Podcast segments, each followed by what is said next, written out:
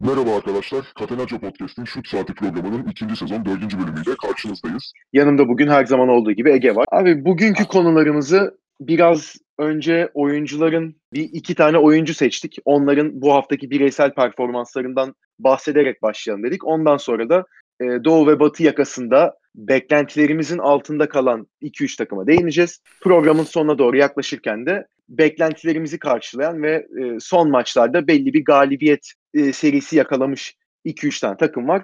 Onların da genel olarak sezon gidişatına ve sezonu nerede bitirebileceklerine dair değinelim diye düşündük Ege ile beraber. Şimdi öncelikle oyunculardan başlayalım Ege istiyorsan. Geçen haftanın oyuncusu yani Batı konferansının oyuncusu Luka Doncic oldu. Luka Doncic zaten e, geçen sene rookie sezonunda zaten Rookie of the Year ödülünü kazanmıştı. Ama açıkçası belli bir kesim Luka'nın süperstar seviyesine hiçbir zaman ulaşamayacağı şeklinde düşüncelere sahipti ki ben de öyleydim. Çok beğendiğim bir oyuncu Luka Doncic. Avrupa'da da özellikle Real Madrid'de oynarken çok beğenerek izliyordum. Avrupa şampiyonu olduğunda Slovenya zaten Luka Doncic yanlış hatırlamıyorsam MVP'yi de almıştı. O zaman da çok beğenerek izlediğim bir oyuncuydu ama NBA'de özellikle de işin fiziksel kısmında biraz daha diğer oyuncuların arkasında kalacağını düşünüyordum ben Luka Doncic'in. Ama geçen sene de bu sene de özellikle öyle bir oyun gösterdi ki Luka Doncic bize her şeyin fiziksel üstünlük olmadığını ve bu fiziksel defektlerini oyun zekasıyla, oyun aklıyla, kafasındaki oyun planıyla nasıl kapatabileceğini gösterdi açıkçası Luka Doncic ve hayranlıkla da izliyoruz açıkçası Luka Doncic'i bu e, NBA'in geri kalan bir ayında. Kendisi de hatta şu an NBA'in MVP adayları arasında girmiş seviyede. Yani öyle bir performans sergiliyor. Ve geçen hafta da gerçekten çok e, absürt diyebileceğimiz performanslar gösterdi. En son hatta pazar günü Dallas Houston deplasmanına gitti. O maçı da 41 sayı, 10 asist ve 6 reboundla bitirdi Luka Doncic. O maçı da ben baştan sona tamamen izledim ve hani hakikaten çok farklı bir seviyede. Sana Luka Doncic ile alakalı öncelikle şunu soracağım. Bir kere bu performansı sence gelip geçici bir form olarak mı görmek lazım yoksa devam ettirebilir mi? İkinci sorum da sence e, MVP yarışında Luka Doncic'in isminin olması gerçekçi mi ve MVP'ye bu sezon olmasa bile kariyerinin ilerleyen döneminde yani 2-3 sene sonra ulaşabilecek mi Luka Doncic? Şimdi Luka gerçekten yaşı itibariyle belki de NBA tarihinin en iyi 20. yaş sezonunu geçiriyor. Gerçekten istatistiksel olarak 60'lardan beri görünmemiş bir dominasyonu var. Ve hani LeBron ve Durant bile ikinci sezonlarında bu kadar iyi değildi. O yüzden bu seviyeyi 15-20 maçta olsa gösterebilmek bile bence gelecekte bir MVP adayı olabileceğini bu süreç net gösterdi. Yani öyle bir takımı, Dallas takımı sen de katılacaksındır. Luka'yı çıkarsan ligin en kötü takımlarından biri. Tabii ki. Yani, yani. Porzingis fena değil. O da hani aman aman müthiş bir sezon geçirmiyor. Yani Yan normal. parçalarda işte eh averaj adamlar var bir üç tane. Hani Delon Wright işte Powell idare eder. Finney Smith, Kleber hani ortalama oyun. Yani mesela Lakers'da hangi birini almak istersen sen özel olarak bir tercihim olmazdı Porzingis. Ve... Tam olarak tam olarak bunu soracaktım. Yani hani Dallas'ın kadrosuna baktığın zaman Luka Doncic'i ve Porzingis'i kenara bırak. NBA'deki kalan 29 takımda ilk 5 başlayabilecek herhalde yani çok fazla oyuncuları yok. Yani belki Powell ve Curry başlayabilir. Belli takımlarda. O kadar. Onun haricinde ya bir de Tim Hardaway Junior var tabii. Ki ama o da çok hani üstüne açıkçası yani daha doğrusu oyuncu profili olarak güvenebileceğim bir oyuncu değil Tim Hardaway'de. Hani 25-29 sayı attığı da oluyor ama iki gün sonra sıfır sayıyla bitirdiği de oluyor. Hı hı. Hem dediğin gibi bir de şimdi tabii insanlar Luka'nın MVP olabilme ihtimalini konuşuyor bu senede. Bunu konuşurken geçmiş senelerde MVP'yi kimin kazandığına bakmak iyi bir fikir bence.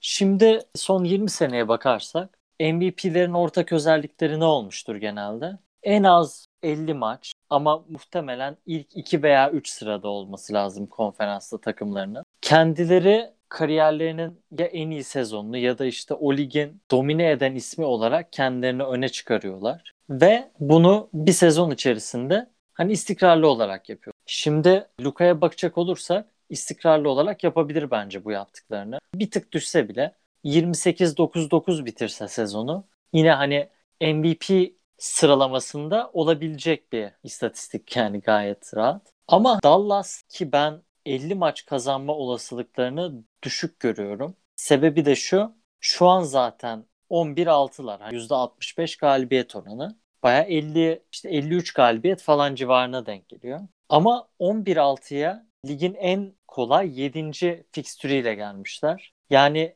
ligin birçok takımına göre hani kötü takımları yenmeyi başardılar şu ana kadar. Birkaç iyi galibiyetleri de var gene ama Dallas'ın asıl ligin tepe takımlarıyla çok fazla maç daha yapmadığını görüyor. Ve en azından lig ortalamasına falan döndüğü zaman bu onların fikstür rahatlığı o zaman böyle mi olacaklar yoksa 40-45 galibiyet bandında bir yerde mi olacaklar onu bilemem. Ben benim ama tahminim hani 40-45 maç bandının üstüne çıkmalarının zor olması. Çünkü hani bir takas yapmazlarsa ki yapma şansları var. Hani birkaç tane de işte takas fikri ortaya sunuluyor. Belki Kevin Love olabilir falan diye. Onu diyor. Yani öyle bir takas gelmediği sürece 40-45 maçtan fazla kazanma ihtimalleri zor. O yüzden bu sene için en azından MVP olması zor. Ama gelecekte bence kesinlikle MVP adaylarından biri olacaktır. Özellikle Dallas'ta hem free agency'de daha çok yeri olduğu zaman hem de Porzingis'in Luka'nın birbiriyle kimyasının daha iyi olmasıyla beraber daha iyi bir takım olacaklardır ve MVP adaylarından biri olacaktır. Ama şu ana kadar da zaten ligin en iyi 2-3 performansından birini gösterdi bu sezon. Ve bence ki bunu sana da soracağım meraktan. Luka sence ligin en iyi 10 oyuncusu arasında girdi mi? Onu böyle bir kategorinin içine sokar mısın? Bu 15 maçlık performansını gördükten sonra. Bence biraz erken bunu demek için. Evet hani çok farklı bir seviyede şu an. Özellikle baktığımız zaman bu üst üste yaptığı triple double'lar işte LeBron'un karşısında durabilmesi maçı kaybetmelerine rağmen. Yani mesela bir San Antonio Spurs'la oynadıkları ve kazandıkları bir maç var yani 42 sayı 11 rebound 12 asist ve hani bunu 35 dakikada yaptı. Yani hani bunlara baktığımız zaman evet çok acayip bir sezon geçiriyor ama daha 20 yaşında olduğunu düşünürsek biraz fazla heyecana kapılıyor da olabiliriz. Çünkü yani en iyi oyun oyuncu açısından diyorum. Yoksa hani Luka Doncic şu an bence NBA'deki en farklı yetenek setlerinden birine sahip olan bir oyuncu. Hani gerçekten her takımda bir şekilde kendine rol bulmayı geçtim. Hani takımı üzerine kurulabilecek bir oyuncu şeklinde gözüküyor şu an. Hani baktığımız zaman aslında fiziği daha düşük olan bir LeBron seviyesinde oynuyor şu an. Ama hani işin içinde şöyle bir durum da var bence hani gözetilmesi gereken. Luka Doncic 20 yaşında NBA'deki ikinci sezonunu geçiriyor. Evet ama Luka Doncic 5 senedir profesyonel seviyede basketbol oynuyor. Hani 16 yaşında girdi bu seviyeye. Real Madrid'le 3 sene İspanya Ligi'nde de Euro Lig'de de tepeye oynadı. Ne kadar genç olursa olsun, ne kadar özel yeteneğe sahip olursa olsun. Mesela geçen sene rookie sezonunda diğer rookie'lerden çok farklı gözüküyordu. Çünkü sahada ne yapması gerektiğini çok iyi biliyordu ve hakikaten diğer rookie'lerin yanında bir veteran olarak kalıyordu. Bu da bence aslında ona bir katkı sağlıyor oyuncu profili açısından da. Zaten hani öyle bir yani 3 senelik, 4 senelik deneyimi olmasaydı Madrid'de NBA'de de bu kadar hızlı bir şekilde kendini gösterebilecek seviyeye gelmezdi. Ama ben ne olursa olsun şu an hala hani ilk 10 oyuncudan mı yani bir bulunmaz elmas gibi gözükmeli mi? Bence gözükmeli. Bence hakikaten ilk 10 oyuncu arasında sayılabilecek bir potansiyelde ama hala 1-2 sene beklenmesi gerektiğini düşünüyorum. Çünkü bir yerde de baktığımız zaman sen de demin zaten bundan bahsettin. Hani fikstür kolaylığından biraz da aslında Dallas'ın galibiyetlerinin yani bu %65 galibiyet oranı seviyesinde olmasını açıklayabiliyoruz. Yani Luka Doncic bu sene bu fikstürle zorlaştıkça yani daha tepedeki takımlarla oynadıkça yine aynı performansı gösterir. İşte yine bir atıyorum Lakers deplasmanından galibiyetle dönerler. Luka yine triple double yapar veya triple double yapamasa bile işte 40 sayı 12 asist işte 7 rebound oynar. Ve bunu hani sezon geneline yayarsa ve Dallas'ı hakikaten işte 48-50 galibiyet seviyesine çıkarırsa o zaman bence konuşulabilir. Ama daha hani 18 maç oynanmışken biraz hani ilk 10 oyuncu arasına sokmak biraz hani fazla nasıl diyeyim heyecanlı bir karar olur gibime geliyor. Yani çünkü işin sonuçta diğer yani diğer oyunculara baktığımız zaman da hala yani LeBron'u, işte Davis'i, Kawhi'yi, işte Harden ne olursa olsun Westbrook bile girebilir oraya. Yani Curry sakat ama yani girebilir değil girer. Yani Yannis zaten hani MVP olmuş çok farklı bir seviyede. Yani onları düşündüğümüz zaman ilk onu zorlar. Bence ilk 20'ye kesinlikle girer. İlk 15'e de girer hatta ama ilk 10'a bence daha almak için biraz erken. Sen ne düşünüyorsun peki bu konuda? Benim için de Luka şu an yani ilk 10 civarında denebilir. Hani ilk 6 benim kafamda belirli. şu an. Hani bir tık daha önde diğer oyunculara göre. İşte Giannis, Kawhi, LeBron, Harden, Davis, 5, 6. da var burada. Ha, Steph sakatlanmadan önce. Şimdi Durant'i tamamen sakat olduğu için hiç bu şeye katmadım da. Hani bu 6'dan sonra hani Embiid mi, Jokic mi, Doncic mi, Lillard mı? Oralar daha hani tartışmaya açık bence. Hani özellikle mesela bir Embiid veya Jokic'in de çok yıllarca hani son birkaç senedir onlar da iyi. Hani Doncic'in de istikrarı onlardan çok da aşağı kalır bir yerde değil. Hani Lillard'ın tabii bir tecrübe ve istikrar faktörü var. Hani yine de düşününce ilk 10, ilk 9 gibi koyulabilir bence Doncic. Çünkü gerçekten şu ana kadar yaptıkları ve her zaman işte bu LeBron'un da ilk Cleveland zamanı yaptığı gibi kötü bir takımı potansiyelinin çok daha üstüne taşıyor şu an. Yani en önemlisi bu. Hani LeBron'un o 60-65 maç kazandığı Cleveland yıllarındaki takımları ortalama bir 3 numarayla değiştirsen o takımlarda herhalde bir 30 maçlık düşüş olur. Bence Doncic'in de etkisi Dallas'a Dallas'a bu kadar. O yüzden hani ilk ona koyulabilir ama hani tabii o dediğim ilk 6'ya daha çok da yakın değil bence. Yani dediğim gibi ben de o fikirdeyim şu an. İstersen buradan daha farklı bir oyuncuya geçelim. Şimdi sezon başında hatta sezon başı bile değil. Geçen sene Houston Rockets'a gittiğinde yani yine bir işte Super 3 takımı mı kuruluyor diye Harden ve Paul'un yanına gittiğinde konuşulmuştu ama ondan sonra çok da açıkçası dayanılmamıştı kendisine ve yanlış hatırlamıyorsam 2018'in Kasım ayında takımdan gönderilmişti. Ve geçen sene takım bulamadı kendisine. Bu sezona da takımsız başladı. Hatta ESPN'de sezon öncesi Stephen A. Smith'le bir program yapmıştı. Hani ben çalışıyorum. İşte takım bulamamak gerçekten beni çok etkiledi. Ben hala NBA'de yerimin olduğunu düşünüyorum. Hani nasıl takım bulamadım açıkçası hani çok da emin değilim ama ben hani bunları kafama çok takmayarak çalışmaya ta- devam ediyorum. Tamamen saha içine konsantreyim ve önüme gelecek bir sonraki fırsatı kesinlikle değerlendireceğim şeklinde açıklamalar yapıyordu. Carmelo Anthony bu isim. Ve Portland Trail Blazers ona bir kontrat vermek durumunda kaldı. Ve işte 4-5 maçtır da Portland'da oynuyor. Şimdi açıkçası hani baktığımız zaman bir önce hani yanlış hatırlamıyorsam e, Pelicans maçıyla girmişti NBA'ye. 10 sayı 4 reboundla oynamıştı o maç. O maçtan sonra hani benim ben ait olduğum yere geri döndüm. Zaten burada olmam gerekiyordu. Çok mutluyum o yüzden. Yani takımla alakalı hiçbir şey söylemedi. Mağlup oldular o maç. Hep kendisi hakkında konuştu. İşte ben dedi, demin de dediğim gibi ait olduğum yerdeyim. Çok iyi hissediyorum kendimi. Daha da devamı gelecek. Zaten iyi bir oyuncuyum. Bu hani kanıtlamama gerek yok. Şudur budur falan birkaç açıklaması oldu. Ya ben de o açıklamalardan sonra açıkçası ya hiçbir şey değişmemiş. Hani 34 yaşında takımı bir takıma verebileceği şeyler şu an bence götürdüklerinden çok daha az durumda. Yani daha negatif etkileyecek durumda diye düşünüyordum ama son iki maçta özellikle Carmelo Anthony biraz performansında yukarıya çekmiş oldu. Bir öncelikle Chicago Bulls galibiyeti aldı Portland. Orada 25 sayı 8 reboundla oynadı.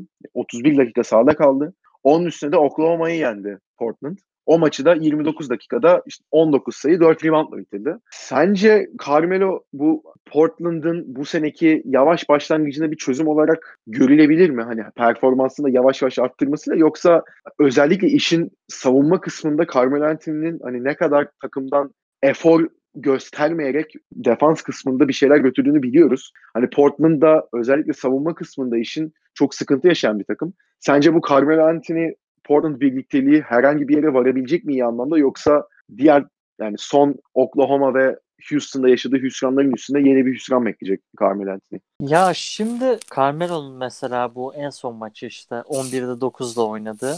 Bana ilginç geldi. Çünkü hem Oklahoma City'de hem de Houston'da iki takım da ondan oyun tarzını bayağı değiştirmesi istediler. Spot up shooter olup üçlük, üçlüğün, üçlük çizgisinin orada beklemesini istediler. Ve böyle olunca da hani Carmelo'nun efektifliği bayağı azalmış. Şimdi bu son maçın özetini dikkatle izlerseniz Carmelo'nun bütün kariyeri boyunca ekmeğini yediği orta mesafe ve fiziğini kullanarak post-up yapması yani dikkatinizi çekmiştir. Yani bu maçta da aynen yani 2007'de veya 2013'teki Carmelo nasıl oynuyorsa o tarz bir hücum performansı gördük Carmelo'dan. Gerçekten orta mesafeler, işte fadeaway'ler, içeri girip temasa rağmen çok rahat bitirmesi ve çok hani 11'de 9 gibi çok yüksek bir yüzdeyle bunu gösterebilmesi bence önemliydi. Yani Carmelo'nun böyle bir hani üçlükçü olmaya zorlanmadan oynadığı zaman hani o da tabii atıyordu arada yıldızken ama Carmelo daha çok kendisi nasıl rahat ediyorsa öyle oynadığı için Portland'da şu ana kadar bence daha etkili oldu ve hani Portland'da çok aşırı bir şey değiştireceğinden değil ama en azından birazcık daha istikrarlı olarak bu performansı devam ederse hani bir iki sene daha ligde böyle bench'ten gelip hücum katkısı yapabilecek bir oyuncu olarak devam edebilir. Bana öyle geliyor. Ama ben Melo'nun hani bu tecrübesinin Houston veya Oklahoma City'den daha pozitif geçeceğini düşünüyorum ama yine de artık hani bu yaştan sonra çok da bir şey fark etmez. Yani açıkçası ben de hani Carmelo konusunda biraz şüpheleri olan bir insanım. Çünkü hani özellikle Portland seçimi biraz orada değişik geldi bana. Demin de dediğim gibi savunma kısmında özellikle Carmelo'nun takımdan götürdüğü şeyler çok fazla. Çünkü mücadele etmiyoryu geçtim duruyor ya sahada hani hiçbir şey göstermiyor. Savunmada bayağı hani 5'e 4 oynuyor karşı takım. Ve hani Portland'a baktığımız zaman şimdi pota altında şu an Nurkic de yokken hani Hasan Whiteside oynuyor eğer sakat değilse veya oynamak istiyorsa diyeyim.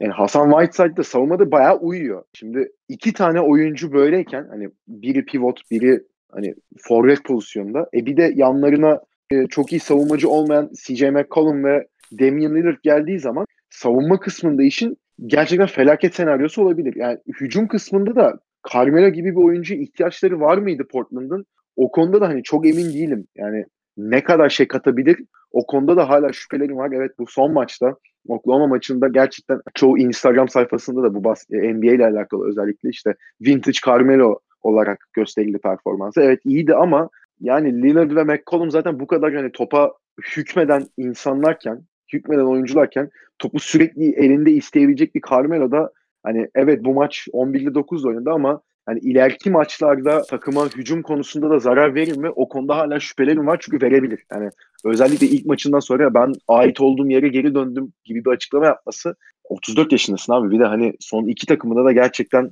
olmamış. Hiç olmamış yani. Ve hani bunu düşündüğümüz zaman bilmiyorum yani iyi gözüküyor şimdilik ama sezonun ilerleyen kısmında ne kadar katkısı olur hala soru işaretlerim var yani 5-6 maç oynaması pek açıkçası fikrimi değiştirmedi bu konuda. Ama Abi istersen bence bu- Heh. şey Hezonya ve Tolliver'a tercih eder. Tabii tabii canım yani abi Hezonya'dan Yani 5 çok oynaması zayıfladı. falan istendi yani. Bence Portland'ın kadrosu. Bu da göz ardı Evet. edildi biraz. Yani Amino, Harkless falan gidince forvetler çok boş. Collins de sakatlanınca işte sıkıntı oldu zaten. Ama bakacağız işte Cidden öyle. hani Portland'ın ben bu durumu birazcık daha iyileştireceğini düşünüyorum ama playoff tabii soru işareti gibi duruyor. Bir takas yapmazlar. Aynen öyle yani Portland için de Kevin Love sezon başında özellikle çok konuşulan bir şeydi. Yani mesela o tarz bir şey hani belki CJ McCollum'dan vazgeçip Kevin Love'ı getirmek belki onlara bir şekilde daha farklı bir oyun yapısı getirebilir. Hani Bir şey söyleyeyim mi? Bence hani- CJ'yi vermelerine gerek olmaz. Love için. yani kimi vermeleri gere- gerekebilir öyle bir durumda. Mesela Cleveland bir tane böyle kötü kontratlı. İşte mesela Bazemore, Zach Collins bir de protected first round pick Love'a karşı. Gerçi Bazemore'un şey yetmeyebilir de. Bir tane daha uçuk kontratlı biri işte Whiteside. Nurkic Yani. döndüğünde çünkü Whiteside'a çok bir ihtiyaç olmayacak. Yok bence de. Hani Nurkic de açıklama yapmış. 2019'da dönmeyeceğim ama 2020 senesinin bir noktasında yani Şubat falan gibi herhalde dönecek mi? Ya o da hemen form tutmayabilir ama hani uzun vadede Whiteside'ın da bu takımda çok. Hani işte Whiteside, Collins işte bir de bir tane protected first round pick muhtemelen yeter. Çünkü Kevin Love'ın bu sezondan sonra 3 sene 90 milyon dolarlık daha bir kontratı var. Kevin hı. Love da iyi oyuncu ama o da bayağı fazla ve sakatlık riski de büyük Evet. denebilecek bir oyuncu için. Evet yani hani öyle düşündüğümüz zaman kontrat ve alabileceğin performans konusunda da yine hani ben Kevin Love'ı beğenirim açıkçası ki bu sezon da iyi gidiyor şimdilik. Yani Cleveland ne kadar kötü olsa da. Ama yine de bir risk tabii ki teşkil ediyor.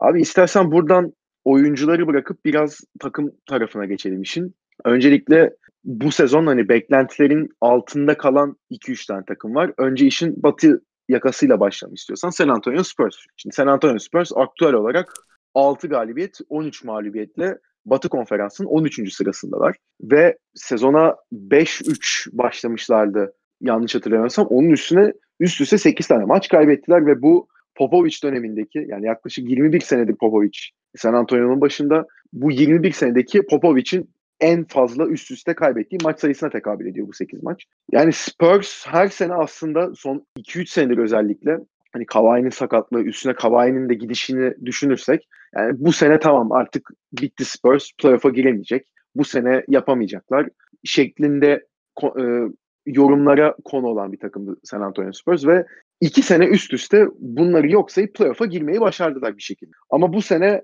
bu sene başında da ben yani Spurs'un yine playoff dışında kalacağını düşünüyordum ama hani başında Popovic olduğu için ve sonuçta bir belli bir kültüre sahip olduğu için San Antonio takımı yine de göz ardı edilmemesi gerektiğini düşünüyordum ama ya bu ki çoğu insan da bunu düşünüyordu tahmin ediyorum yani. San Antonio Spurs çünkü bahsettiğimiz konu ve hani Greg Popovich'in de ne kadar farklı bir oyun yapısı oluşturduğunu ve hani hiçbir takımda belki yer alamayacak oyunculardan nasıl verim aldığını gösteren bir koç olduğunu düşünürsek yani onların yine playoff yarışında olacağı açıkçası göz ardı edilmiyordu sezon başında ama dediğim gibi bunun çok uzanda kaldılar şu an. Senin için sürpriz oldu mu Spurs'un böyle başlaması yoksa artık hani hakikaten bu sezon başında ya kadroda hani olmuyor. Çok da farklı bir şey oynamaya çalışıyorlar NBA'in genel gidişatına göre ve bu sene hakikaten bir şey başaramayacak durumunda ol, olacaklardı gibi mi düşünüyordun? Yani hani beklentini ne derecede karşıladı şu anlık Spurs'un performansı? Ben sezon başı tahminlerini yaparken Spurs'u playoff yapacağını düşündüğümü söylemiştim. 7 veya 8. sıradan. Bunu söyleme sebebim de takım geçen seneyle aynı artı Murray geri dönecek. Bir de DeMar Carroll falan ufak tefek ekleme de yaptılar. Ama gördük ki Spurs'un bazı eski kafalı görüşleri onları bu pozisyona sokmuş. San Antonio hala ligin en az şut atan takımı ve özellikle ligin en hani ölmeye yakın hücum şekli orta mesafeden hücum.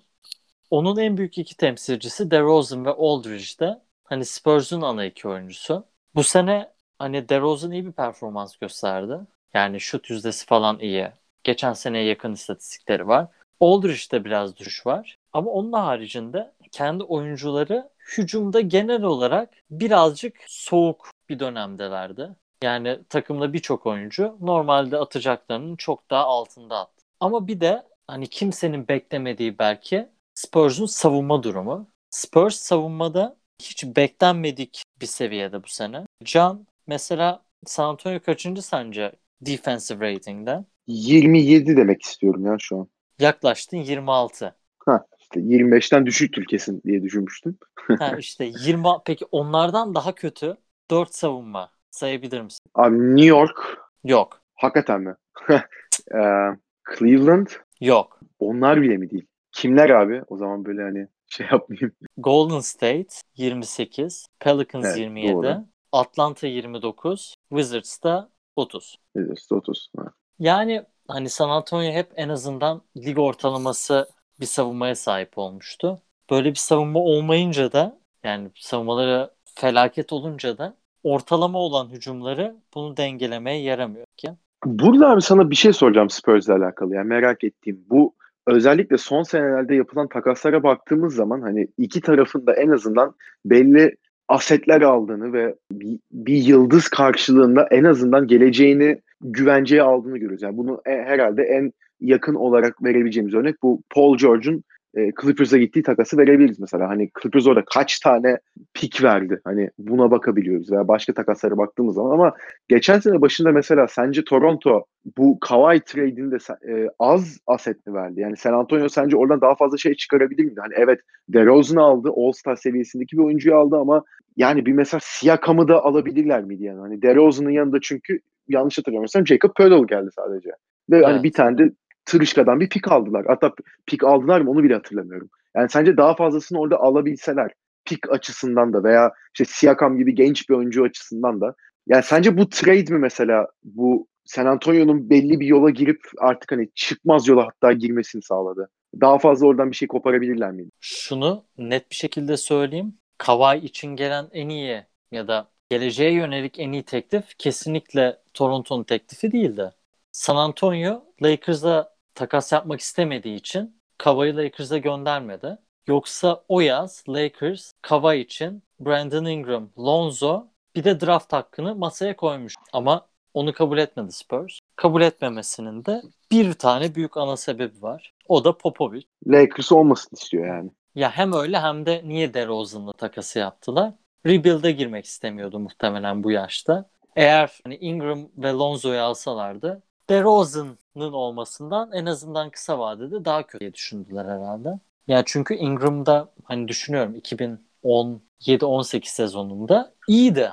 Potansiyelli gözüküyordu o zaman da. Yani Lakers'a yapsalar şu an şimdi Ingram'ın performansını görüyoruz. Max kontrat alacak gibi duruyor. Şu ana kadar ki Yani. performansıyla. Yani Lonzo da sakatlık problemleri çok yaşadı ama hani şu an için daha iyi olurdu herhalde onlar adına. Yine de işte Popovich, DeRozan ve o genelde pek genç yetiştirmekten ziyade hani role player yetiştirir Popovich ya da yıldızları şey yaptı zamanında işte. Hani Kawhi harici Spurs'un öyle hani o 2003-13 arası çok yetiştirdiği bir oyuncu da yoktu. Kawhi sonrası da zaten hani kendi draft haklarına Murray bu sene mesela istikrarsız bir performans sergiliyor. Birçok oynuyor. Bir bench'e gö- gönderiyorlar onu. Lonnie Walker vardı geçen sene. O da çok az süre aldı. Mesela DeMar Carroll aldılar yazın. Çok az oynuyor. İşte Pirtle çok az oynuyor. Trey Lyles'ı ilk beş başlatıyorlar mesela. Ondan istedikleri katkıyı alamadılar. Yani bütün bu faktörler Spurs'un şu anki durumunu duruma gelmesine sağladı. Bundan sonra ben hani Spurs'un tabii bir miktar toparlanacağını düşünüyorum. Çünkü şu anki gibi hani 30 ma- galibiyette bitirmezler. Ama çok büyük olasılıkla playoff zor duruyor. Tabii Bence. toparlayabilirler bence. Ama hani playoff yapamazlarsa da şunu atlamamak lazım. Herhalde Popovich dönemi biter. Yani bana playoff'a giremedikten sonra bırakıp 2020 olimpiyatlarını kazanıp emekli olabilir gibi geliyor. Şu an bahis yapsam buna bahis yapardım. bir sene daha yani bir sene daha kalacağı ben kalma ihtimali daha düşük. Ya ben de katılıyorum yani. Bence de hani 2020 olimpiyatları artık onun onu kazanıp hakikaten emekli ki 70 yaşında zaten kendisi. Yani düşündüğümüz zaman ya yeter tamam ben yapacağımı yaptım. Artık hani işin en azından koçluk kısmından çekileyim der. NBA'nin içinden belki çıkmaz hani ne bileyim yani Başkan GM de olmaz şey, bir takıma. Jerry West gibi. Ama ha aynen tam onu diyecektim. Jerry West gibi hani bir takımla anlaşıp işte onlara işte mentorluk şey yapar. Bence Spurs'de, Spurs'de devam eder onu. Veya Knicks Ya ona evet. mesela senede 20 milyon dolar verse başka. Ha şimdi tabii yani 20 milyon doları da bence 70 yaşında çöpe atacağını düşünmüyorum yani. Ben ş- şarap içeyim falan Phil Jackson düşünmüyorum bir yaptı. konuda. Phil Jackson Yani. gitti. Senede 15 10-15 milyon Heh. cepledi 2-3 sene. ya, Ya. Mesela şöyle düşün. Diyelim Fatih Terim şimdi Galatasaray'dan ayrıldı. Ona hani senede çok çok inanılmaz bir miktar vermedikleri sürece Türkiye'de başka bir kulüple anlaşacağını pek sanmıyorum. Başkanlık Yok veya ne olursa olsun. Yani Yok, çok, çok, çok Popovic'in de şimdi gitme ihtimali az. Yani bir tek istisna var. Hani çok çok uzun süre bir takımla kalıp sonra başka takımlara da gel. O da Jerry West. Evet. Hani Jerry West işte Phil Jackson gelene kadar GM'di Lakers'ta. Phil Jackson gelince ayrıldı. İşte Memphis'e geçti. Neredeyse LeBron'u alacaklardı. Sonra ikinci sıra piki gelince o piki mecburen Detroit'e takas ettiler. Top one protected olduğu için. Ve LeBron Cleveland'a gitti falan. Neyse. Yani kısaca hani Popovich için çok iyi bir veda sezonu olmaz mı? Eğer böyle devam ederlerse. İnşallah Spurs de toparlar ve onları da yine daha kompetitif bir şekilde izleriz. Umarım yani Popovic hani herkesin saygısını kazanmış bir isim ve hakikaten veda sezonunun böyle olması açıkçası benim de isteyeceğim bir şey olmaz. İşin abi doğu yakasına baktığımız zaman hani beklentilerin altında kalan aslında iki tane takım var. Bunlar Detroit Pistons ve Chicago Bulls. Yani bu iki takımın özellikle e, yani playoff'un içinde olacağını hani özellikle Chicago'nun kadrosuna baktığımız zaman ki hak aslında Pistons da öyle. Yani geçen sene Pistons 8'den girmişti zaten. Blake Griffin sakatlan, sakattı zaten e, playoff ilk roundunda. Hani Milwaukee bayağı ezip geçmişti onları ama yani Blake Griffin'in artık orada çok daha farklı bir role evrilmesi o takımın hakikaten baktığımız zaman çehresini değiştirmişti. Blake Griffin de bu sezona sakat girdi ama hani Detroit'te de yani döndükten sonra zaten Reggie Jackson'ın da bir sakatlığı var şu an. Derrick Rose bir oynuyor, bir oynamıyor. Zaten hani sakatlık problemleri olan bir isim. Drummond aslında iyi bir performans gösteriyor ama yani kalan kadroya baktığımız zaman da bir yere varabilecek bir kadro değil. Yani bunu zaten sezon başında da ben demiştim. Sen de katılmıştın zaten. Sen de bu, bu minvalde konuşmuştun. Hani vasatı hedefleyen bir takım aslında Pistons. Yani biz hani playoff işte 8'den playoff'a girelim. Bir tur oynayalım. Zaten yukarıdan gelenler bizi ezecek. Ondan sonra seneye de aynısını yaparız. Yani hani ne bir rebuild'a gidelim ne bir işte yukarıya hedefleyelim. Yani playoff'a girelim de işte hani seyirci bizi izlemeye gelsin. İşte salon dolsun. Oradan işte belli bir gelir elde edelim. Yani bunu hedefleyen bir takımdı ama bu sene şu anlık yani 18 maçta 6 galibiyetleri var. Ve çok da iyi bir performans göstermiyorlar tabii saha içinde. Bir de tabii Chicago Bulls var. Chicago Bulls'ta da farklı problemler var. Ee, onlar da 19 maçta 6 galibiyetteler. Yani onların aslında takımına baktığımız zaman sezon başı bana heyecan veriyordu. Ya ben bu takımdan hakikaten şimdi Lavin de belli bir yere gelmiş. Markanen aslında artık belli bir eşi aşacak seviyeye gelmiş durumda gözüküyordu. Ama yani beklentilerin bayağı da altında kaldılar. Yani Thaddeus Young'ı kattılar mesela sezonun öncesinde. Hani onun veteranlığı takıma pozitif yansır diye düşünmüştük. Ama o da pek işe yaramış gibi gözükmüyor. Lavin'le e, Koç Boylan'ın bir problemi olduğu ortaya çıktı. Hatta Lavin bunu yanlış hatırlamıyorsam Charlotte Hornets maçından önce söylemişti. Yani ben, ben hani beklentilerini karşılayamadığımı söyledi ve beni maçın sonunda oyuna sokmadı ve beni oynatmadı ama hani ben ne kadar iyi bir oyuncu olduğunu biliyorum. Yani işte gereken cevabı zaten sahada veririm şeklinde konuşmuştu. Ki bunun üstüne de Hornets maçında 49 sayı attı. 13 üçlük mü atmıştı? Yani bayağı rekoru egale edecek seviyede bir üçlük performansı sergilemişti.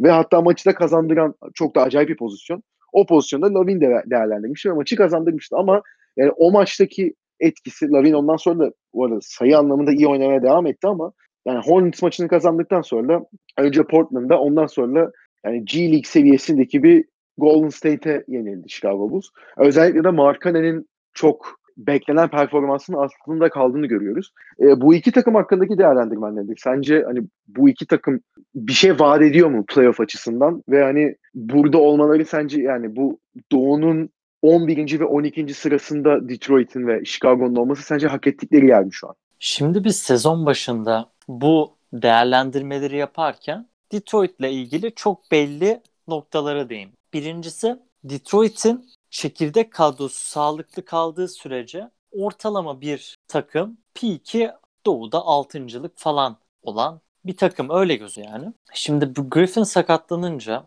ve Reggie Jackson da sezona kötü başlayıp sonra sakatlanınca zaten ellerindeki NBA rotasyon oyuncusu olarak ortalama görülebilecek oyuncu sayısı bile çok. Yani Luke Kennard bu sene çok büyük bir sıçrayış gerçekleştirdi. Hatta senin fantasy takım.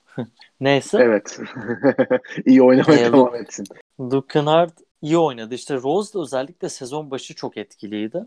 Ama hani Griffin olmadığı zaman Drummond ve bu oyuncuların olduğu bir takımın yani 25-30 maç ayarında bir takım olduğu belliydi. Zaten bu noktaya kadar neredeyse öyle geldiler. Tabii Griffin'de döneli oldu biraz ama hala o geçen seneki ritmini bulamadı. Şut üsteleri falan geçen sezona oranla çok düşük. Yani bütün istatistikleri geçen seneden daha kötü diyebiliriz. Ve o ritim bulmadan Rose, Drummond, Jackson, Griffin, işte Kennard hepsi aynı anda oynamadan ve o kimya oluşturulmadan onların da yükselmesi zor. Yani Griffin'in sakatlığı işte Jackson'ın sakatlığı ve rol oyuncularının da yeterince iyi olmaması Detroit'in durumunu çok da şaşırtıcı kılmadı. Ama bence Chicago'nun durumu gerçekten çok ilginç. Yani bu takımla aşırı ciddi bir sakatlık yaşamadan 6-12 başlayacaklar desen şaşırırdım. 6-13 pardon. Çünkü hani Otto Porter haricinde çok ciddi sakatlıktan süre kaçıran oyuncu yok. Ve Otto Porter da oynadığı zaman zaten kötüydü. Yani bu da zaten Bulls'un bu sene kötü olmasının sebeplerinden biri. Genç ama beklenen patlamayı yapmamış oyuncuların bu patlamayı yapması bekle. Özellikle de senin dediğin gibi Laurie Markkanen, Otto Porter, işte Zach Lavine'in en azından geçen seneyi koruması, Wendell Carter ve işte oyun kurucuları Kobe White. Hani bu tarz oyuncuların birkaçının en azından ciddi bir sıçrayış yapması gerekiyordu Chicago'nun playoff adayı olması için. Ama hani Lavine benzer oynasa da Mark'ının özellikle şut yüzdeleri bakımından geçen senenin çok altında ve zaten savunmada çok etkili olmayan bir oyuncu için hücumda da katkı yapamayan Mark'ının hücumda da katkı yapamaması onu Chicago için çok büyük bir eksiye dönüşmesine yol açtı. Wendell Carter iyi bir sezon geçiriyor. Ona bir şey denemez ama Onun dışında hani Chicago'nun zekice böyle veteran olarak aldığı oyuncular da beklenildiği kadar etki yapmadı ki. Yani bilmiyorum Can sen ne düşünüyorsun ama hani işte Ted Young, Satoranski gibi oyuncular rotasyonun çok önemli olmayan parçaları gibi şu an. Hani çok büyük bir liderlik vasıfları işte Thaddeus Young mesela çok büyük sayılarında reboundlarında düşüş yaşadı. Ve ben izlediğim zaman da o eski enerjiyi görmüyorum. Hem oyuncu performansları hem de tabii Koç Boylan'ın da takımla ilgili yaptığı bazı şeyler çok eleştiriliyor. Bütün bunları incelediğimiz zaman da zaten işte Chicago'nun durumunu görüyoruz. Ben Chicago'nun hani birazcık daha iyileşmesini bekliyorum. Detroit konusunda emin değilim çünkü Detroit hani Griffin geçen sene 75 maç oynamıştı da ondan önce öyle pek 60'ı geçtiği az görülüyordu. Onun ve Rose'un da devamlı sakatlıklarla uğraşması demek Detroit'in muhtemelen playoff dışı kalacak anlamına geliyor. Ama ben Chicago için hala playoff, Chicago'nun playoff'a girmesi için bir umudu olduğunu düşünüyorum. Çünkü şu an mesela Can önümde açık. Doğu 8.si kim ve kaç maç ya da kaç maç kazanmış? Magic 7 maç kazanmış. Aynen. 17'den. 7-10'la yani Evet. aslında çok da uzak değil. 2 maç gerisi. 2 maça Gayet evet. kapanabilecek bir fark.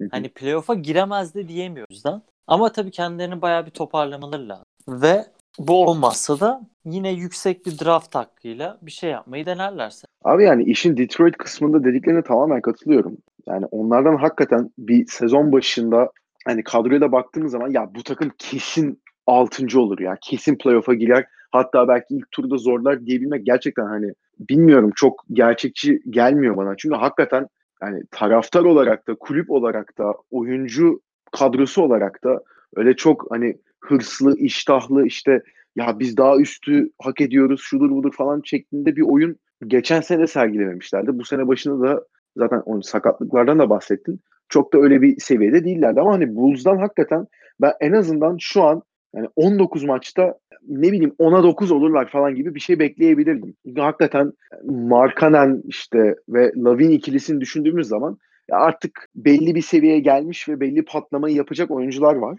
Ama onlar da hakikaten teknik kadroyla yaşanan sıkıntıların da tabii bunda etkisi var.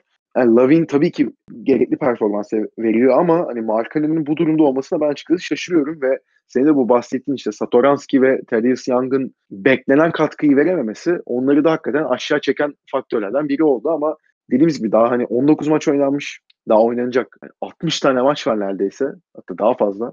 O yüzden hani hiç de belli olmaz. Yani sadece iki maçken şu an 19 maçın sonunda fark. Da hani bu bu bu vakitten playoff'a giremezler demek. Bulls açısından en azından e, biraz iddialı olur. Bence onlar da e, sezon ilerledikçe hani birlikte oynamayı daha bir iyi şekilde kavrayacaklar ve bence bir şekilde kendilerini 8'den falan playoff'a atacaklar gibi geliyor bana. Abi işin şimdi de biraz aslında iyi tarafına geçmek istiyorum seninle. Şimdi NBA'de tabii hani bu işte Bulls, Pistons ve Spurs gibi veya başka takımlar tabii ki var. Kötü gidişatta olan. İşte Atlanta var mesela 8 maçlı kaybeden. Bunların tabii bir de ters olarak galibiyet serisi yakalamış ve kendilerini yukarıya atmış takımlar da var. Mesela işin doğu tarafına baktığımız zaman Milwaukee Bucks 9 maçlık kazanıyor ve 18 maç sonunda 15 galibiyet 3 mağlubiyetle şu an Doğu'nun tepesindeler. %83'lük bir galibiyet oranları da var. Ve hani özellikle bu hafta en son oynadıkları maç Atlanta'ylaydı. Atlanta'yı yenmeleri açıkçası çok büyük bir sürpriziydi ama Utah Jazz'la oynadıkları maç gerçekten çok acayip bir maçtı ve hani Giannis Antetokounmpo da o maçı 50 sayı, 14 rebound ve 6 asistle bitirdi. Ki Milwaukee'nin şu durumuna baktığımız zaman da aslında Chris Middleton'un da olmadığını unutmamak gerekiyor. O da bir sakatlık geçirdi. Bayağı bir maç kaçırdı ve daha da kaçıracak gibi duruyor. Hani sakatlık öyle kısa süreli yani 2-3 haftalık bir sakatlık da değil. Daha yanlış hatırlamıyorsam bir 5-6 haftası daha var. Yok pardon döndü. Oynadı abi dön. Pardon. Doğru doğru son maçta oynadı hakikaten. Nasıl döndü diye hatta şaşırdık. Ama hani o da yüzde yüzünü ne kadar sahaya yansıtabilecek bundan da şu anlık emin değiliz ki son maçta da şu an zaten önümde açık Atlanta maçında da bench'ten geldi ve 20 dakika sadece e, süre aldı. Ama sonuçta Middleton'ın kaçırdığı belli bir periyot var. Ama buna rağmen Milwaukee 9 maçları üst üste kazanıyor ve Yanis yani acayip bir seviyede hala. Zaten çok özel bir oyuncu ama geçen seneki MVP'nin üstüne hakikaten yani MVP seviyesinin üstüne koymak nasıl bir şey bilmiyorum ama hakikaten o seviyenin şu an üstüne çıkmış durumda ve çok acayip bir basketbol oynuyor ve çok acayip bir şekilde takımında taşıyor. Milwaukee Bucks'ın sence bu sezon sonu hedefi tabii ki şampiyonluk. E, elinde Yanis gibi bir MVP olduğu için ama sence bu hedef şampiyonluk hedefi özellikle gerçekçi olmaya başladı mı? Sezonun da bu şekilde devam ettiğini vars e, varsayarsak ve Yanis sence yine MVP'nin en güçlü adayı mı? Ya Milwaukee için zaten sezon başında da aynı şeyi söylüyorduk. Çok önemli bir karar vermeleri gerekiyordu. Brogdon, Middleton, Bledsoe ve Lopez dörtlüsünün üçü kalabilir gibi duruyordu. Bledsoe ile extension'ı sezon bitmeden yaptılar. Sonra Lopez ve Middleton tutup Brogdon'ı bıraktılar. Şimdi Brogdon'un performansını da görünce şu takımda olsa gerçekten inanılmaz olurlardı diyorum ilk önce. Onun eksikliği bazen hissedilebiliyor ama özellikle Yanis'in bu sezon hani bir basamak daha atlaması nasıl öyle bir şey mümkünse. Yani 30-14-6 ortalamalarıyla. Hakikaten abi ya. Yani Ve rol şey oyuncularının ya. da bir tık beklenenden iyi katkı vermesi bence. İşte mesela Wesley Matthews bayağı uzun dakikalar oynuyor. İşte DiVincenzo, Robin Lopez falan hep bunlar pozitif katkı veren oyuncular Ersan. İlk 5'te de geçen seneye çok benzer oynuyor en azından Middleton ve Bledsoe'da. Tek sıkıntı biraz Lopez kötü başlamıştı ama bence o da toparlar. Yani ben Milwaukee'ye şu an bütün bu olaylara rağmen bu kadar iyi olmasını bir tek Yanis'e bağlıyorum. Yanis hani mesela yakın zamanda bir 50 sayı kaç rebound? 14. 50 sayı 14 reboundla oynadı işte sıfır turnover olması lazım. Yani Hı hı. böyle inanılmaz performanslar gösterirken Milwaukee'nin iyi olması çok normal. MVP olayına geleceksek de evet bence en büyük adayı. Çünkü Lakers'da iki tane yıldız var. Hani orada Curry Durant'ler veya diğer büyük ikili üçlülerde olduğu gibi sorumluluk ve MVP oyları kendi aralarında bölünüyor yani LeBron ve Davis. Burada Hı hı. hani en büyük adaylar Harden, Doncic ve Giannis duruyor. Doncic'in de takımı fena gitmiyor ama yani onlarda düşme potansiyeli görüyorum. Harden'la Giannis kafa kafaya yine geçen seneki gibi. Ama Giannis de geçen seneden kötü bir takımı yine benzer bir sonuca ulaştırıyor gibi. Ve yine hani 60 maç kazanırlarsa hiç şaşırmayacağız. Ve yani sezon başında Philadelphia hakkında çok olumlu görüşlerimiz var bizim de. Philadelphia'daki bazı sıkıntıları görünce de hani bu sene neden olmasın? Yanis belki bir back to back MVP ve finallere git- gidebilir mi? Neden git? Bunu düşündüm yani Bucks maçlarını ve özellikle Philadelphia maçlarını. Çünkü Philadelphia iyiyken gerçekten iyi ama onların da bazı oyuncularının formsuzlukları ve tam uyuşmaması o takımında bazı maçlar kendini gösterdi. Peki Can sen ne düşünüyorsun? Yanis ve Harden ve Doncic arasında bu MVP yani şu ana kadar MVP olarak kimi seçer? Abi Yannis'i seçelim muhtemelen ya. Harden da çok çok acayip bir seviye. Ya zaten Harden öyle bir durumda ki Harden şu an hani bize yaptığı şeyin ne kadar normal olduğunu resmen alıştırdı. Ama hani Harden da gerçekten o 40 sayıya yakın ortalamayla oynayıp bunu çok kolay bir şeymiş gibi gösteriyor ama yani değil. Yani bunda farkındayız yani.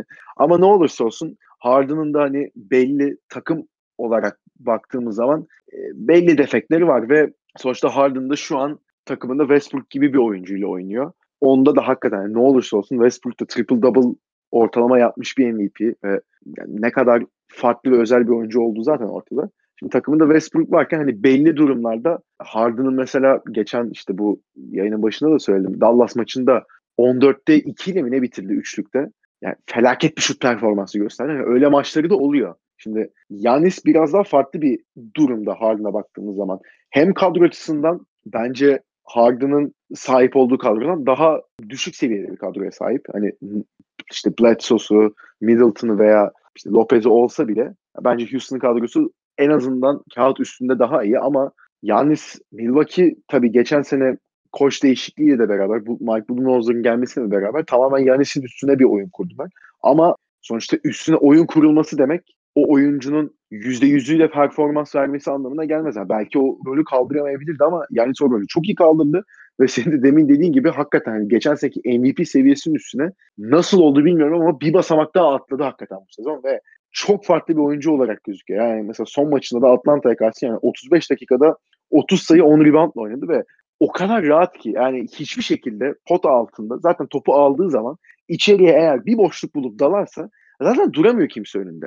Yani iki bu Indiana maçındaydı yanlış hatırlamıyorsam. Bir yani smacı var. Bir işte 4-5 maç önce. Abi ya, olacak iş değil ya. Yani bu Bitadze ile Domantas Sabonis üstündendi sanırım. Ya, acayip bir şey. Yani sol eliyle hakikaten iki kişiyi potanın içine sokuyor. Yani böyle bir oyuncu var ve bunu o kadar rahat yapıyor ve o kadar kolay gibi gösteriyor ki.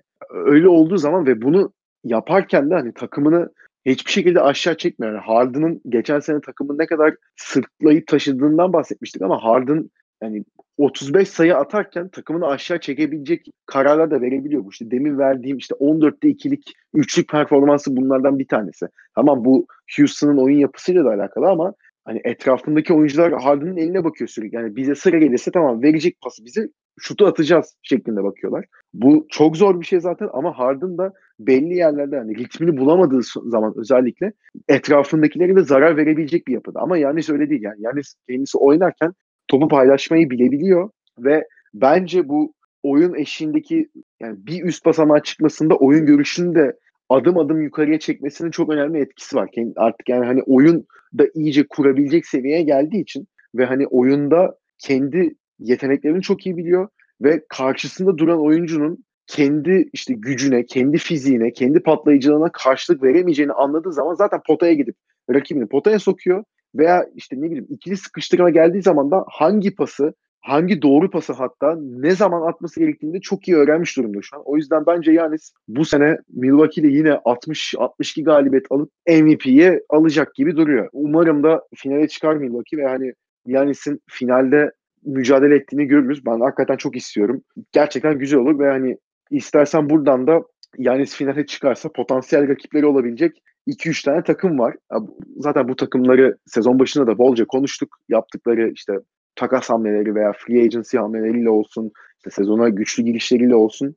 E, bunlar tabii ki Los Angeles şehrinin iki takımı şu an. Nuggets da bu arada şu an batıda ikinci sırada 6 maçta kazanıyorlar. Onlar da iyi bir yola girmiş durumdalar. Ama tabii normal olarak hani Los Angeles şehrinin takımları olması sebebiyle Lakers ve Clippers şu an biraz daha göz önünde bulunan takımlar. Los Angeles Lakers şu an 18 maçta 16 galibiyet 2 mağlubiyetle Batı'nın birincisi bununla beraber tabii ki NBA'in de en iyi derecesine sahip takım şu an. %89'luk bir galibiyet yüzdeleri var. Clippers da 7 maç üst üste kazandı. 14 galibiyet 5 mağlubiyetle şu an Batı'nın Üçüncü sırasındalar ve hani son kazandığı maçlara baktığımız zaman da bir işte Dallas galibiyeti var, Celtics galibiyeti var, işte Houston galibiyeti var ki Houston maçta da olağanüstü bir maçtı. Gerçekten çok güzel bir maçtı. Onlar da belli bir artık ritmi bulmuş durumdalar. Burada ben Clippers'dan başlamak istiyorum. Paul George sezona sakat girmişti. Kawhi'nin işte load management olayını zaten konuştuk. İşte dinlenmesi, dinlendiği maçlarda başka oyuncuların devreye girmesi falan. Paul George da ama geri döndü ve Paul George da hakikaten acayip bir seviyede geri döndü. Hatta yani maç sonrası ilk işte döndüğü maçtan sonra yaptığı açıklamada resmen hani yeni bir omzum varmış gibi hissediyorum ve hiç omzum konusunda bu kadar iyi hissettiğimi hatırlamıyorum şeklinde bir açıklama yapmıştı kendisi. Hakikaten de çok acayip bir seviyeye döndü ve hani böyle 20 dakikada 37 sayılık performanslar gösterdi üstte. Ve Kawhi ile de beraber artık belli bir uyum içerisinde oynamaya başladılar. Clippers sence bu en azından yani kısa bir dönem oldu tabii Kawhi ve Paul George'un beraber oynadığı ama sence bu ikisi yani bench'ten gelen Lou Williams ve Montrezl Harrell ve işte ilk beş başlayan Patrick Beverley de tabii ki işin içinde ama sence Kawhi ve Paul George ikilisi sana NBA şampiyonluğunu getirebilecek bir ikili olarak gözüktü mü? Bu ya kısa bir dönem oynamış olsalar bile. Evet gösterdiler. kısa ve net. Abi Clippers'ın şöyle bir avantajı var. Şöyle baktım bir istatistiklere. Takımlarında 19 sayının üstünde atan 4 oyuncu. Yani Lakers gibi bir takım değil bu. Kawhi veya George kötü oynarsa da kazanma şansları var. Şut atıp bilen rotasyon oyuncuları ve idare eden bunları var. Hani small ball da oynadıkları oluyor sık sık. Ama hani özellikle George geldikten sonra çok rahat gözüküyorlar. Yani muhtemelen normal sezonda hani Kawhi 60 maç bile oynarsa geçen seneki Toronto gibi 60 maçı zorlayacaklar belli. Çünkü Williams inanılmaz oynuyor. Harrell çok çok iyi başladı sezona. George dediğin gibi. Bir tek benim hani biraz sıkıntılı gördüğüm Kawhi var. Yani Kawhi'yi canlı izledim mi bilmiyorum. Denk geldim mi? %100 sağlıklı gözük. Yani böyle geçen seneki finallerde veya konferans finallerde böyle sanki %85'iyle oynuyordu ama yine de o yetiyordu. Hani mesela bir Philadelphia veya ilk turda kadar atletik veya böyle bir tık bir fark var gibi şu an. bu haliyle en sakatlıksız taze halini. Hani Kavay'ın bu devamlı load management ve işte şu ana kadar 5-6 maç ka- kaçırması biraz hani soru işareti yaratıyor ben kafamda. Çünkü hani playoff döneminde maç oynandığı zaman bu tempoya bir kere daha kaldırabilecek mi? Toronto'daki o çok iyi postseason'dan sonra. Tabii o soru işareti ama yine de hani Clippers playoff'a girecek ve çok iyi olacak diyorduk. Ama hatırlarsan mesela Denver'ın altına koymuş sezonda. Lakers Clippers'ı da benzer. Clippers'ı çok az mı öne koymuştuk? Sen hatırlıyor musun dediğimizi? Evet evet. Clippers'ı biraz daha sanki normal sezon için daha bir hani kadro genişliğini düşündüğümüz zaman yani hani Kawhi ve Paul. George oynamadı vakit sonuçta Lou Williams ve Montrezl Harrell ve işte Patrick Beverley oynuyor. Geçen sene playoff'a girmiş ve ilk turda Golden State'ten yani deplasmanda iki maç almış bir takımdan bahsediyoruz çünkü. Onların da ne kadar birbirlerine uyumlu olduğunu düşündüğümüz zaman aslında yine o seviyede olan bir takım. O yüzden normal sezonda Clippers önde olur diyemiştik. Yani hani Utah bir tık beklentilerin altında başladı Evet. ama onlar da yine de batıda beklediğimiz yerde yaklaşık olarak. E, Houston da yine tahmin ettiğimiz gibi hani ilk 4'te 5'te. Bir, mesela bana ilginç gelen Can hani bu konuyu da merak ediyorum senin düşünceni. Mesela ben hani batıya baktığım zaman bu son playoff sırasını en azından yine böyle 45 46 47 maçlık bir takım olacağını düşünüyordum. Şu an 8-9'luk Phoenix var. Hani o pozisyonda. Sence bu sene bu 8. sıra geçen senelerde olduğu gibi yüksek olacak mı? Yoksa 500 yani %50 oranında maçlarını kazanan bir takım girebilecek mi? Ne düşünüyorsun? Abi bu sene sanki biraz daha o son sıra özellikle batıdaki yani %50 %48 civarında kalacakmış gibime geliyor. Çünkü ya batının üst takımlarına baktığımız zaman ya gerçekten çok farklı bir seviyeye çıkmış durumdalar. Ya işte Lakers, Nuggets, Clippers onları geçiyorsun. Dördüncü sırada Rockets var. E, Dallas iyi bir ritim yakalamış durumda.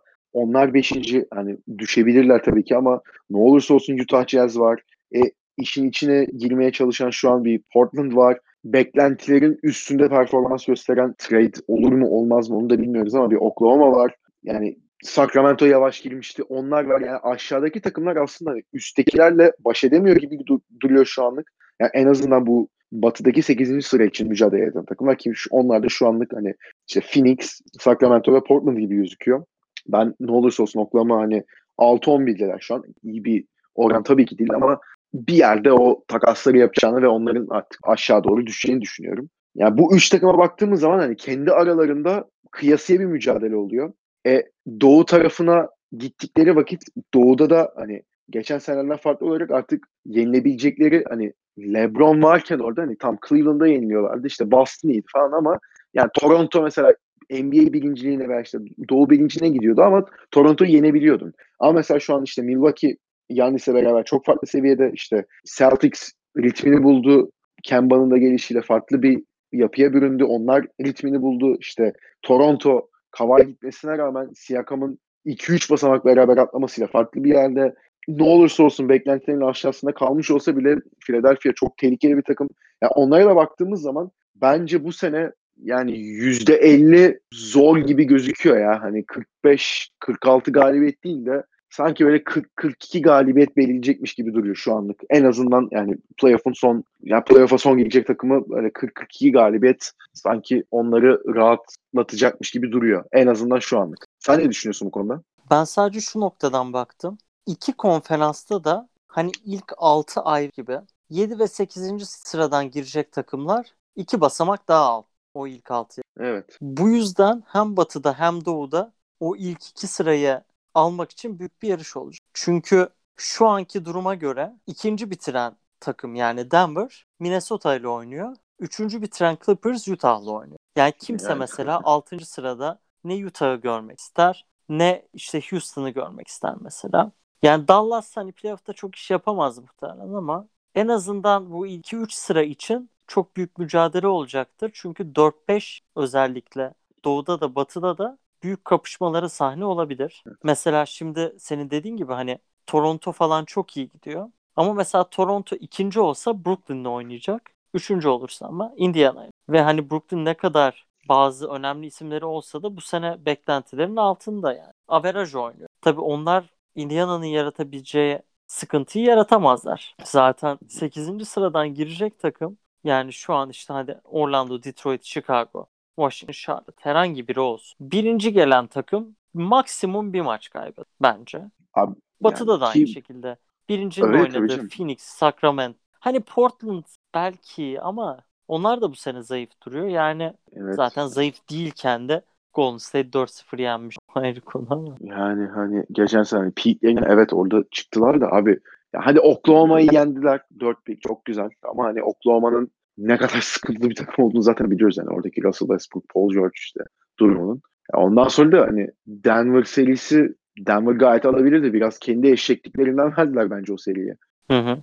Dem hani 8. sıradan gelecek takım hakikaten bence playoff'un ilk turunda yani bir maç bile alması zor ki yani, yani Batı'da belki kendi evinde hani işte ya bu Phoenix veya Sacramento olursa hakikaten bence 4-0 biter de yani belki işte Portland girerse işte birincinin de Lakers olduğunu düşünelim. Şu anlık en azından yani Lakers öyle gidiyor. Hani Lakers'ın böyle devam edip bu şekilde bitirdiğini varsayarsak hani yani playoff'a da hani ne kadar konsantre giren bir LeBron olduğunu biliyoruz. Ki şu an hani normal şartlarda %100'ünde olmaması gereken bir LeBron var. Ki ama çok farklı bir seviyede o da. Zaten şimdi ona geleceğim zaten o o konuda da.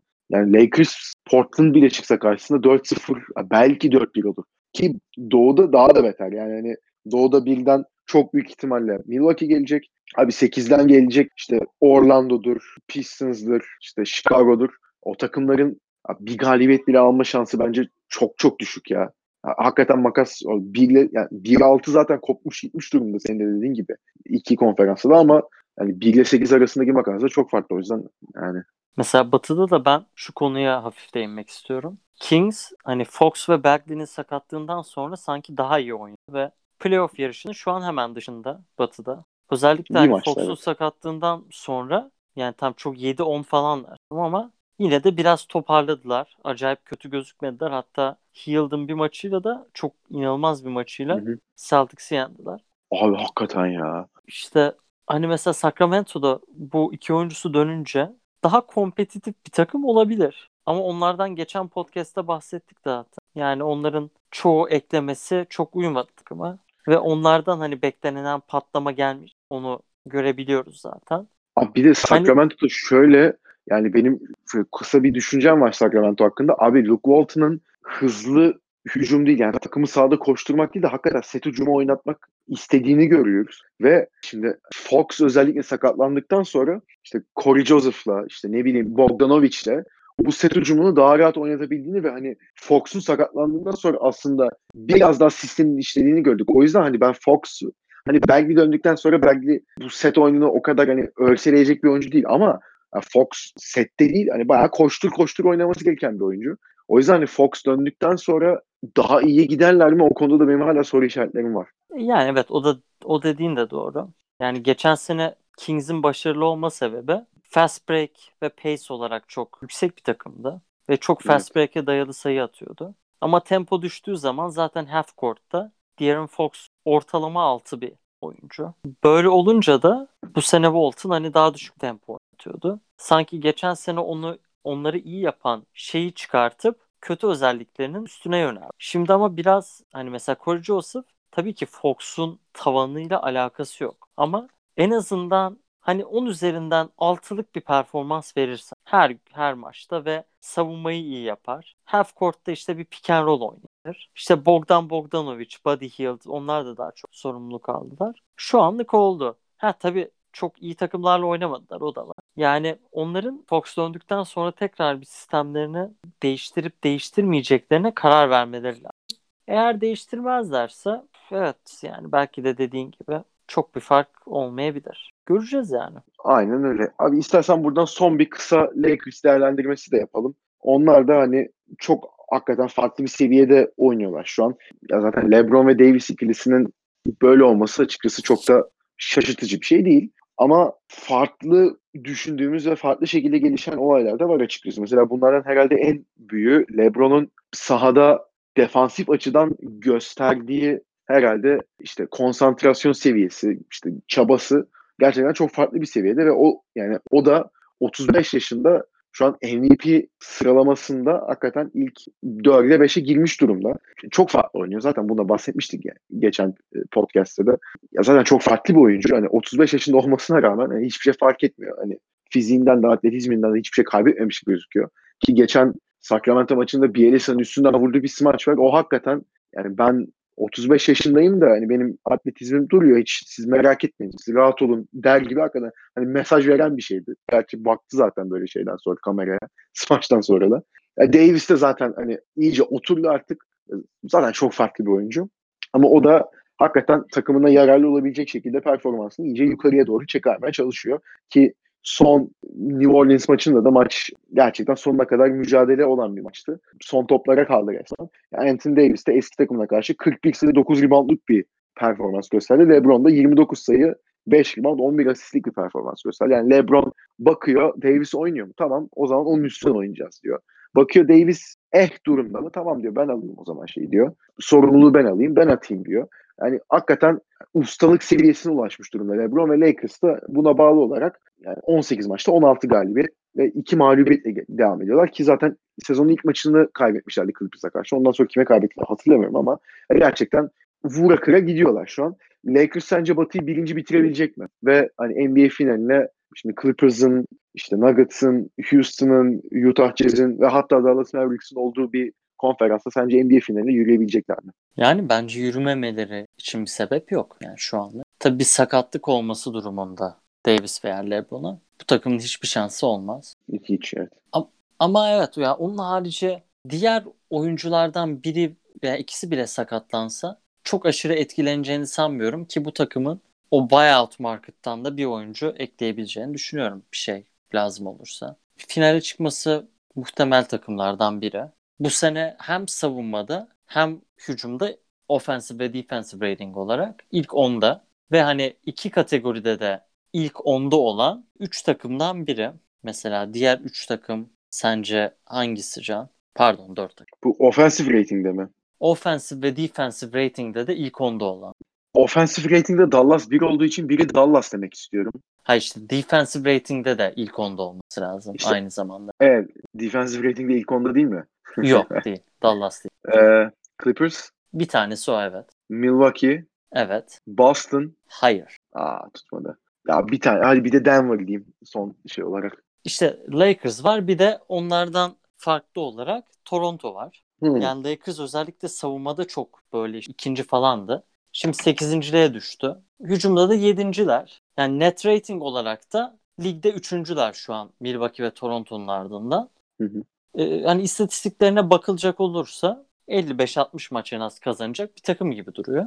Tabii böyle inanılmaz gitmeleri zor. Hani mesela 60 üstü galibiyet olayını hala çok realistik görmüyor. Hani şu ana kadar gerçekten çok iyi başladı Lakers. Hani ona diyecek bir şey yok ama ben hani 63-65'e falan ulaşmasının çok zor olduğunu düşünüyorum. Çünkü hani LeBron'un özellikle bütün bu sezon bu tempoyu kaldırması zor. Davis de şimdiden her maç bir çıkıyor, bir giriyor, omuzu biraz kötü bir şey. Yani onları azıcık maç kaçırma olasılığı var gibi ve hani rotasyondaki oyunculardan da hani sakatlıklar olursa falan ki olur muhtemelen. Hani Lakers yine 58-60 maç kazanabilecek bir takım ama daha fazlası zor. bence. Ki aslında biraz da baktığımız zaman fikstürleri de bir tık rahat diyebilir miyiz ya? Bir tık değil yani en kolay 4-5 Evet. fikstürden biriydi şu kadar. Yani evet şu an hani çok kötü şey yapmak istemedim ama Ha, rahat yani bir fikstürden de geçtiler yani. hani iyi takımları da yendi Lakers birkaç tane. Ama çok Evet. fazla işte ne bileyim New Orleans'da oynadık. İşte Phoenix'te oynadık, Memphis'te oynadık. Hornets, Ya. Ha, Hornets'te oynadık. Sacramento, Yani- üst üste iki Oklahoma maçı falan. Evet yani onlar biraz hani Utah'larla, Denver'la falan oynayınca ben o maçları merak ediyorum. Hani ne yapayım şimdi? De'Aaron Fox olmayan Sacramento'yu yen herhalde. Hornets'ı zaten yen. Ki Hornets da aslında şu ana kadar özellikle Devonta Graham'in çıkışıyla gerçekten ilginç yani. büyük bir sürpriz. Evet. Çok Buradan beğendim. hani onu fantezi takımına alan vizyoner Can Durusoy da meyvelerini yiyor. Abi evet ben düşünüyordum onu hani almak için gittiğimde almıştı. Çok üzüldüm o yüzden ya.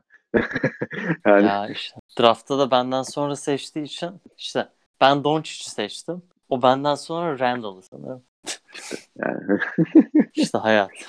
hayat. Ki Lakers'ın da bu arada fikstürüne baktığımız zaman sen de diyordun ya hani işte şunla on, bununla oynasın diye. Mesela bak 1 Aralık Mavericks, 4 Aralık Denver, 5 Aralık'ta da Utah'la oynayacaklar. Yani hani mesela o 3 maçtan 3 galibiyet çıkarırlarsa öncesinde bir Washington maçları var. Washington bence yenerler ama ya o 3 maçtan 3 galibiyet çıkarırlarsa o zaman hakikaten diyeceğim ki tamam ya bunlar yani gidiyor 60 62 galibiyete de ya oradaki durumunda bir açıkçası görmek gerektiğini düşünüyorum ben şimdilik. Aynen. Ve Wizards da ilginç bir takım. Defensive rating'de sonuncu, offensive rating'de ikinci. Evet, Yani şu hani takımın çok atıp çok offensive yiyorlar. rating'de ikinci olacağını söyleseler hiç yani hadi lan oradan falan der. Yani abi Ama bayağı da 158 sayı şaşırttılar. attıkları yani 158 sayı attıkları maçı kaybettiler ya normal sürede. Yani 159 değil.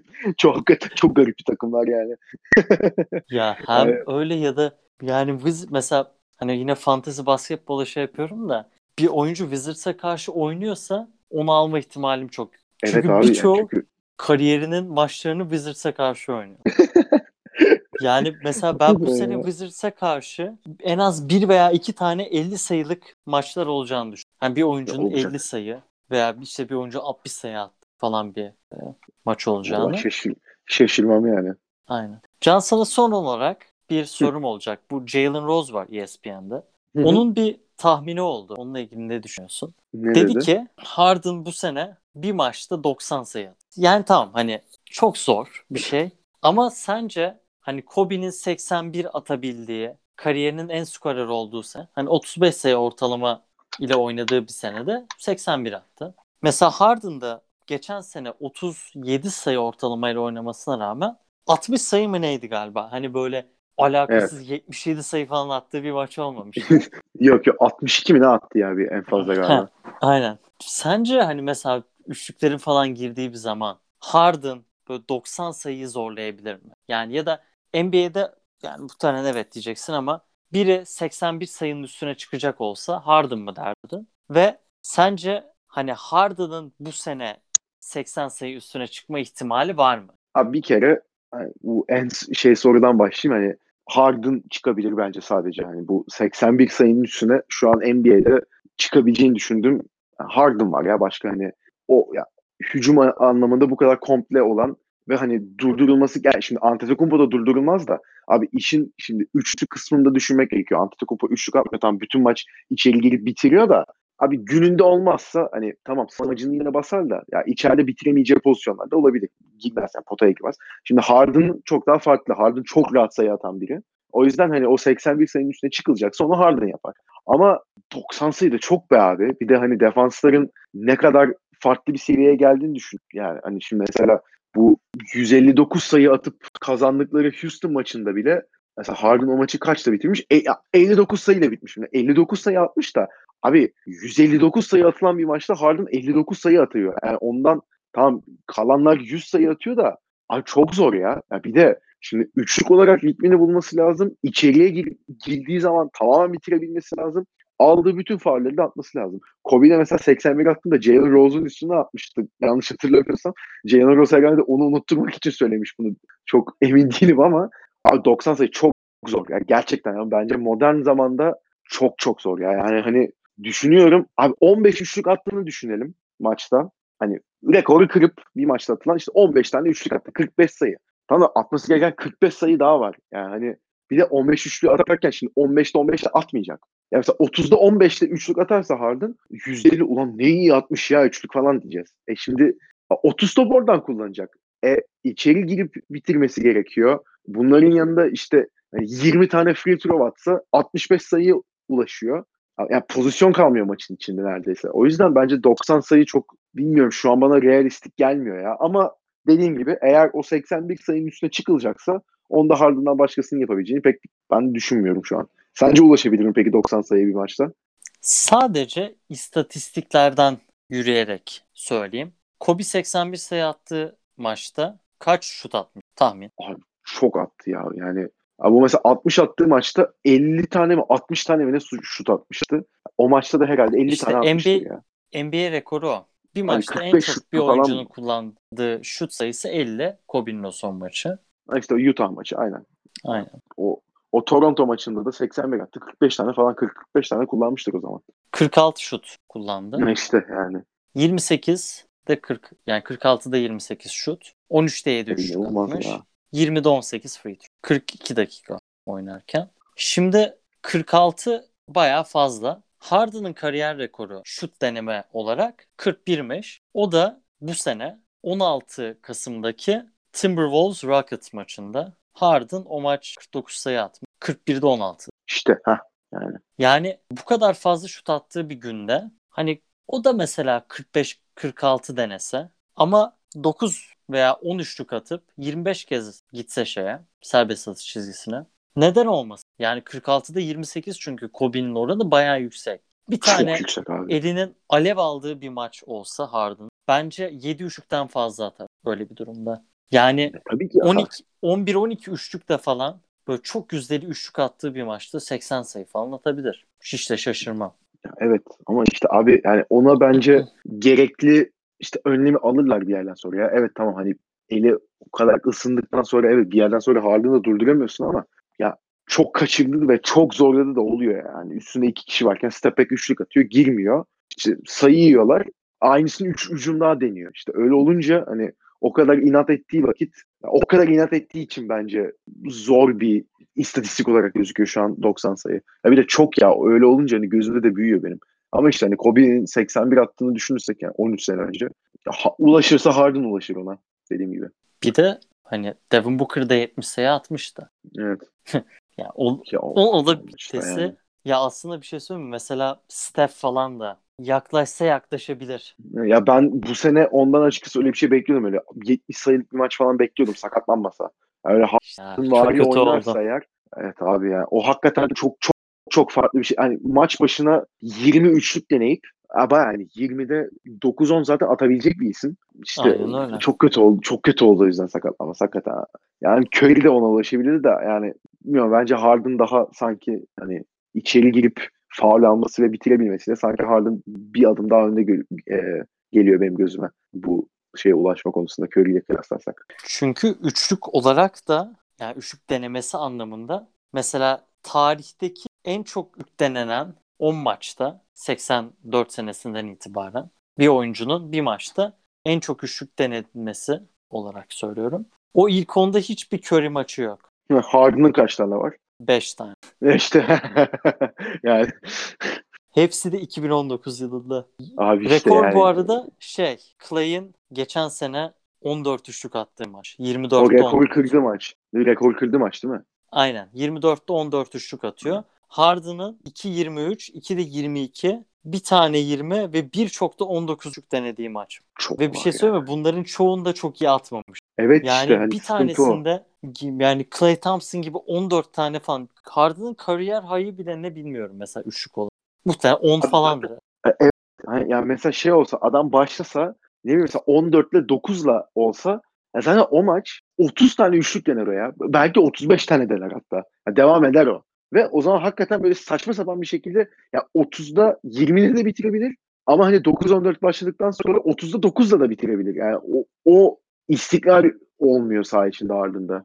Vallahi yani Washington'la oynasınlar. Diğer Bir daha da- hala. Aynen. Ve galiba deplasmanda oynamışsın ilk maçı. Evet bu sefer Yani- içeride oynayacak. Yani yani bakalım.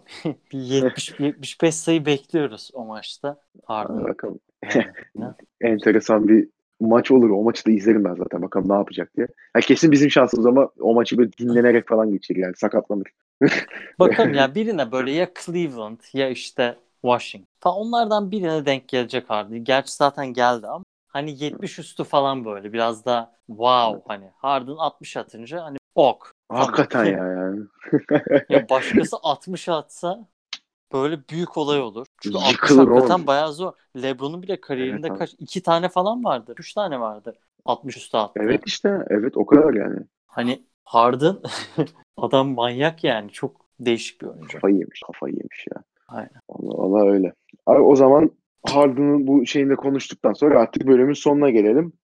İkinci sezon dördüncü bölümümüzde de bölümün başında öncelikle Luka Doncic ve Carmelo Anthony'nin biraz bireysel performanslarından konuştuk. Onun sonrasında beklentilerin altında kalan işte San Antonio, Detroit ve P- Chicago Bulls gibi takımlara değindik ve onun sonrasında da en son artık kapanışta da bu sezonun şu anlık en azından iyi geçiren takımlar hakkındaki düşüncelerimizi belirttik. Bundan sonra da aynen bu şekilde yine bireysel anlamda öne çıkan oyuncuları işte o haftayı yani değerlendirdiğimiz haftayı kötü geçiren takımlar olsun veya iyi geçiren takımlar olsun, formda olsun takımları konuşmaya devam edeceğiz. O yüzden siz de bizi dinlemeye devam edin. Böylelikle de bölümü kapatalım artık. Ben Can.